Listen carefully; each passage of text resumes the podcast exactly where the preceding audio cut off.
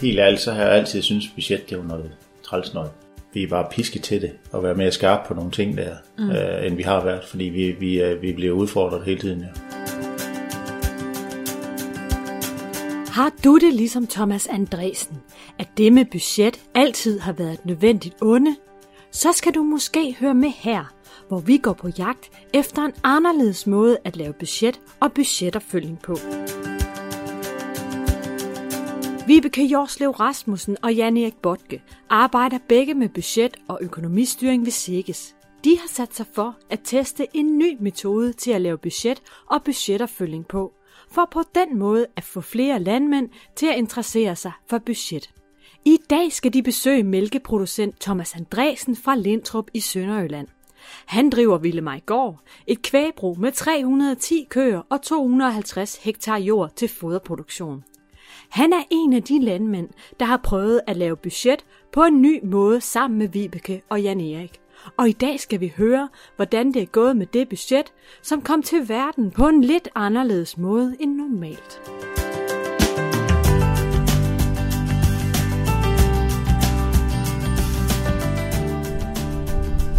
Vi sidder i øh, bilen, og vi det er Jan Erik Godt, fra Sings, og Vibeke Jorsten Rasmussen, mig selv, Anja Christensen. Vi er på vej ned til en landmand, øh, Thomas Andresen, og Vibeke, vil du ikke prøve at fortælle, hvorfor er, vi skal besøge Thomas i dag? Det skal vi, fordi at vi øh, her før nytår var nede ved Thomas og sammen med ham prøvede at øh, udarbejde hans budget for 2018. Det, der var det nye i den proces, det var jo, at Thomas fik til opgave at være i øh, forsædet, hvis man kan sige sådan, eller på forsædet i forhold til hele budgetteringsprocessen.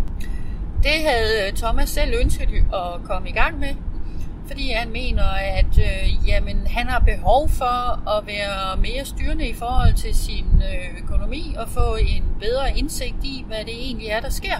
Vi havde et møde med Thomas, hvor øh, Thomas, inden vi kom, havde øh, skrevet lidt ned omkring sine øh, ønsker og sine øh, mål for 2018.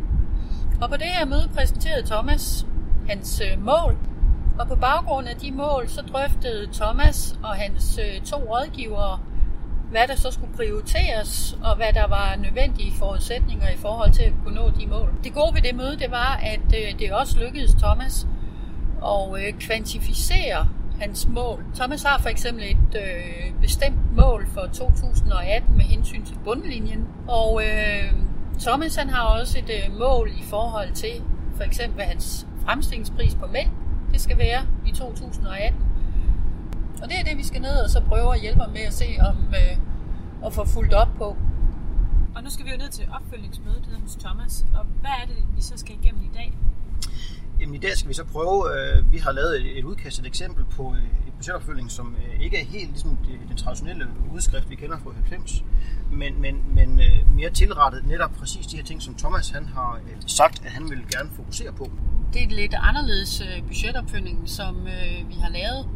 Det er jo en øh, skøn blanding af hvad hedder det, det, der er på en bedrift, nemlig noget økonomi, noget kvæg og noget øh, ude i marken. Vi har valgt nogle øh, hovedtal ud, sådan at altså det, som øh, er sådan de primære resultater, og så har vi suppleret dem med primære resultater fra for eksempel mælkeproduktionen og prøver at sætte dem ind i en sammenhæng i forhold til de økonomiske resultater på bedriften. Vel fremme i Lindtrup tager Thomas Andresen imod. Hej. Inde ved spisebordet forklarer Vibeke Jorslev Rasmussen om processen fra det første budgetmøde og frem til nu.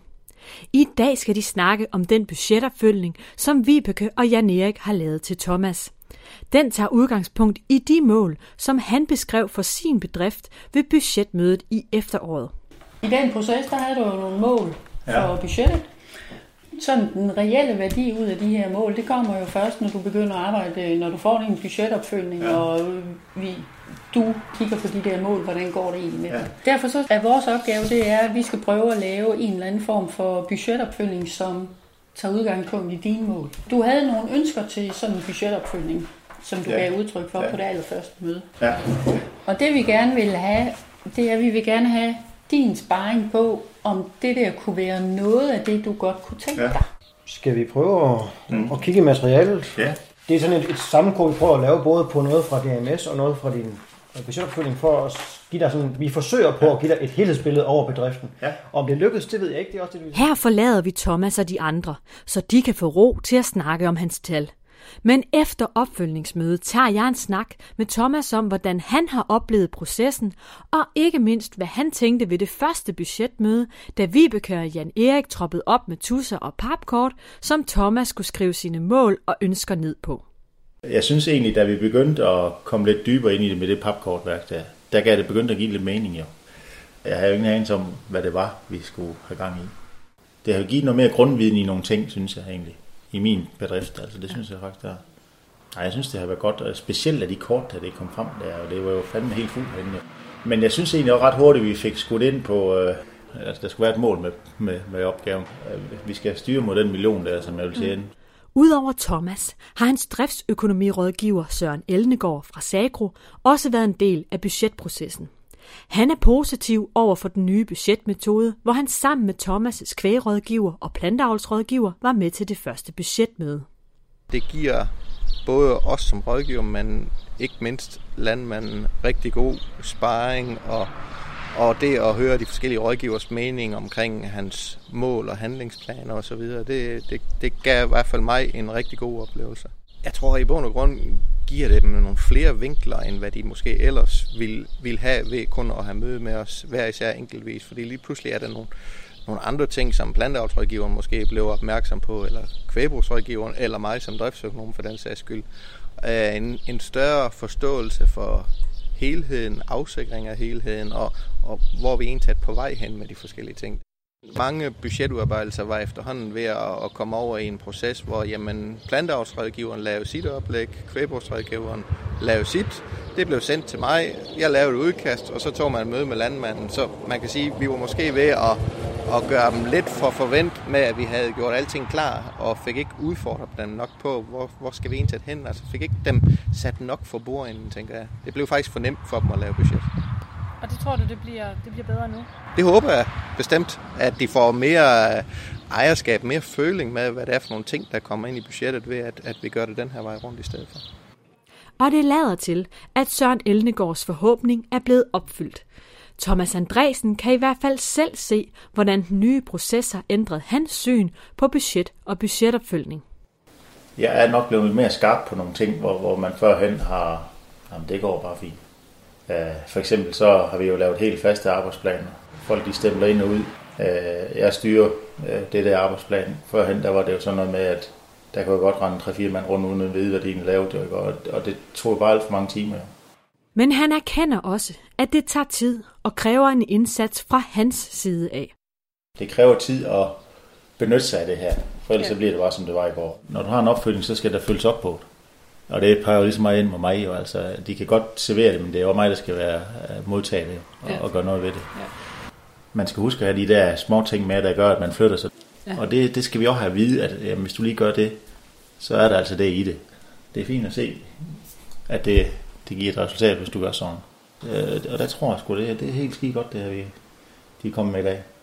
Med de ord forlader vi Thomas Andresen og hans gård i Sønderjylland og sætter kursen mod Sikkes igen. På vej hjem i bilen fortæller Vibeke og Jan Erik lidt mere om den nye budgetproces, og hvorfor de netop sætter fokus på landmandens mål og ønsker for fremtiden, i stedet for at snakke om tal. Øh, Vi prøver at øh, forklare landmanden, at budgettet som udtrykt i tal, i virkeligheden jo bare er et biprodukt. Altså det, der er det vigtige i forbindelse med at udarbejde et budget, det er hele tankeprocessen op til, at man får et budget præsenteret i form af et økonomisk tal, resultat. Det er hele den der refleksion i forhold til, hvad er det, jeg egentlig gerne vil. Sådan en øh, pause, hvis man kan sige det sådan, øh, hvor man sætter sig ned og reflekterer lidt over, hvilke mål man overordnet har. Hvad er der egentlig af muligheder i forhold til at nå det mål? Er der nogle begrænsninger, som man skal prøve at arbejde med? Hvad er det, man egentlig godt kan lide at arbejde med, og hvordan kan man komme til at arbejde mere med det? Så det er egentlig det at få forklaret, at værdien af et budget, det afhænger i høj grad af, om man har brugt den tid på den proces op til, at man får præsenteret et budget, der er udtrykt via et eller andet tal. Vi tror på, at hvis vi arbejder med noget, som landmanden i forvejen har fokus på, eller synes er rigtig spændende, eller som han vil elske at gøre endnu mere ved for at forbedre sig, jamen så har vi allerede en landmand, der er meget mere interesseret i processen, og også det endelige budget.